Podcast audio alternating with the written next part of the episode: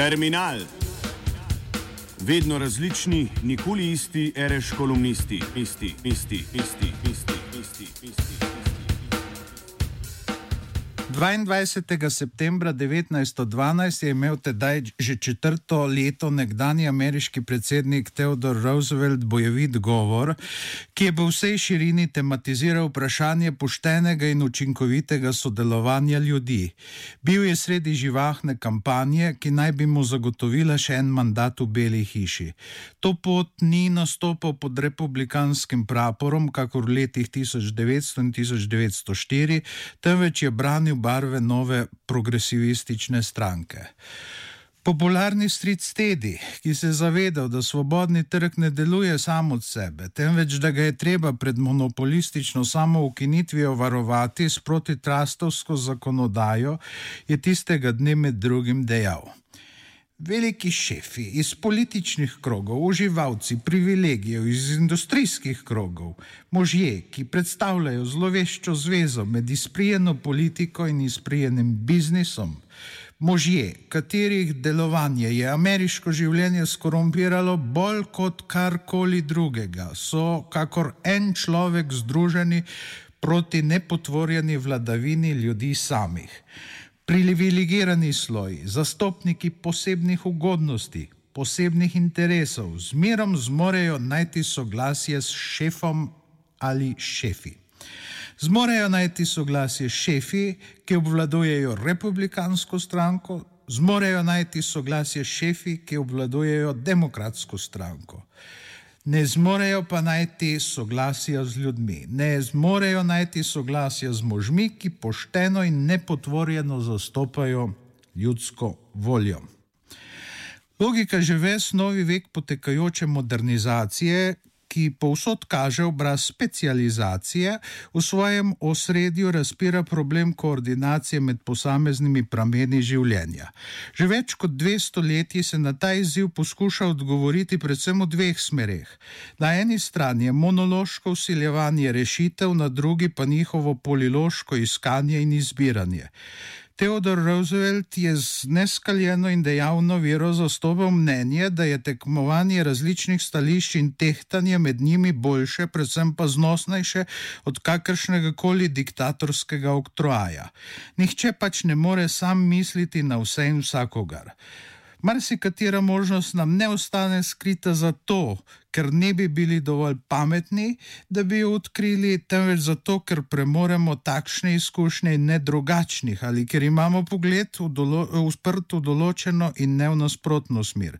A če nas kdo upozori, da obstajajo kakšne rešitve, ki so boljše od naših, se lahko zmerom vedemo kot Bismarck, čigar biografija izpričuje, da je bil politični genij samo zaradi svoje sposobnosti posvojitev posvojitve optimalnih zamisli drugih. Ob tem pa se gre zavedati, da ni od sedaj na veko majdanih univerzalnih kvalifikatorjev človeške naravnanosti.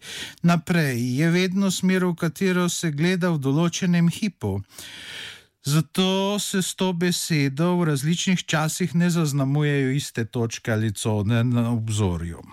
Drugačen vzorec reševanja problema koordinacije ponujajo diktatorji, ki vsem usiljujejo svoje zamisli. Nekateri od njih so pri vzpostavitvi monološke strukture odnosov in razmeri med ljudmi deležni celo tolikšnega splošnega odobravanja, da morajo vsake morajo vsake toliko časa izdati kakšno skrajno čudaško odredbo, saj bi sicer nihče ne vedel, kaj da so, da so diktatorji.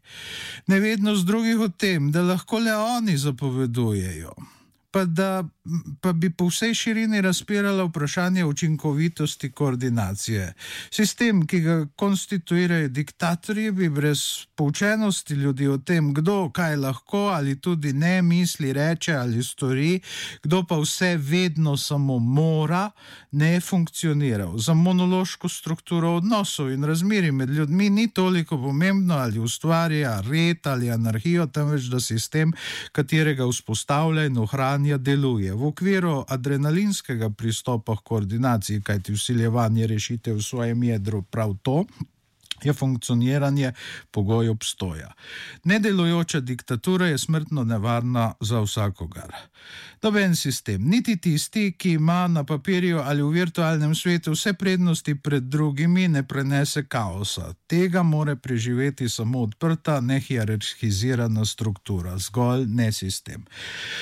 Oba skrajna pristopa k koordinaciji pa vendarle imata skupno cono. Ne morete brez administrativnega aparata. Modernizacija je tudi sinonim za njegovo širjenje. John Lukač, ki brez dvoma sodi med najprodornejše zgodovinarje našega časa, je enega najočitnejših menikov pri preobrazbi Združenih držav iz Lincolnovske vladavine ljudstva, iz ljudstva in za ljudstvo v novo republiko postavil dobo Eisenhowerjevega predsednikovanja, ko sta država državna in korporativna administracija postali številčnejši od delavcev vseh kategorij skupaj. Odtlej se je koordinativni aparat razraščal le še hitreje kot prej. Nič niso spremenili niti poskusi obnove klasične vitke države, če tudi se je ta reševala najrazličnejših skrbi, ki jih je prevzela njena nominalno zaslehernega posameznika skrbeča zavaljena sestra, ni mogla zavreti širjenje administracije. Koordinacija če dalje večjega števila specialnosti je pač terjala svoje, brez najrazličnejših registratorjev, usklajevalcev in povezovalcev bi se ustavilo vse. Rast administracije seveda razpira še eno v odgovornosti najbolj nejasno in zato najbolj zapeljivo možnost pristopanja k problemu koordinacije. Theodor Roosevelt svojega obtožujočega kazalca značilno ni uperil le v enega velikega šefa, temveč tudi v oligarhične prstane. Njihovo delovanje, ki ga ne mara najbolje pokriva besedna oznaka hunta, se mora zažreti vse pore življenja. Medsebojno združeni veliki šefi lahko prizarjajo iskanje in simulirajo izbiro optimalnih rešitev, vendar so združeni kakor en človek pri usiljevanju svojih zamisli. Če so bili obzori 20. stoletja v njihovi nesveti zvezi na vzor, navzoči predvsem zastopniki pokvarjene politike in sleparskega biznisa, so se jim pozneje pridružili še reprezentanti izprijene znanosti. Winston Churchill ob svoji mobilizaciji angliškega jezika proti odiozni vladavini Adolfa Hitlerja in njegove nacistične tolpe ni pozabil na kritiko sprevržene učenosti, ki svojo leščerbo sveti tiraniji in dan danes, za katero veliko politično in gospodarsko gospodarsko polomijo ne stoji stroka, pogosto v obliki agencije, ki se razglaša za čisto ekspertno telo. Bismarck, ki je bil v svojem jedru kljub diktatorsko zveneči oznaki železni kancler, pravzaprav fanatik oportunizma, je značilno dejal, da bo za sleherno svoje dejanje našel zagovornika v kakem profesorju prava. Slednji so bili vsekakor cenejši kot advokati, saj so razupitost, ki so jo povzročali s svojimi miselnimi piruetami, zamešali slavo. Tudi mašinerija izprijene znanosti je torej že dolgo na sceni. Njeni reprezentanti, kakor en človek, nastopajo proti nepotvorjenim interesom ljudi. Nobenega dvoma ni, da je nesveta zveza pokvarjene politike, sleparskega biznisa in izprijene znanosti dan danes močnejša in trdnejša kot kdajkoli prej.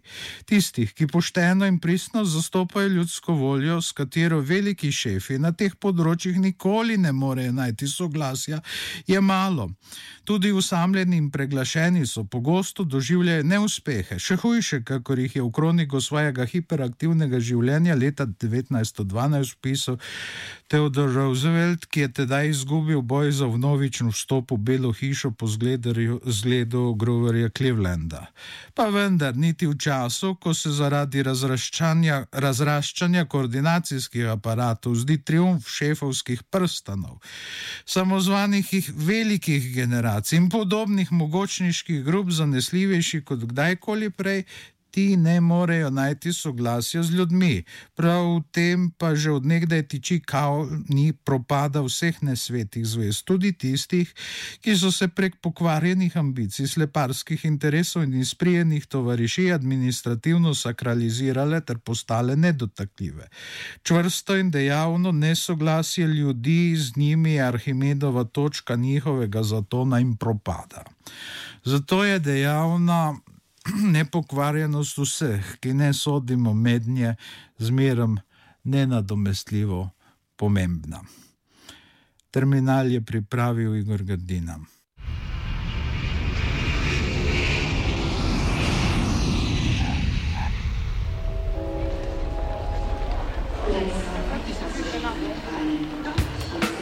Terminal.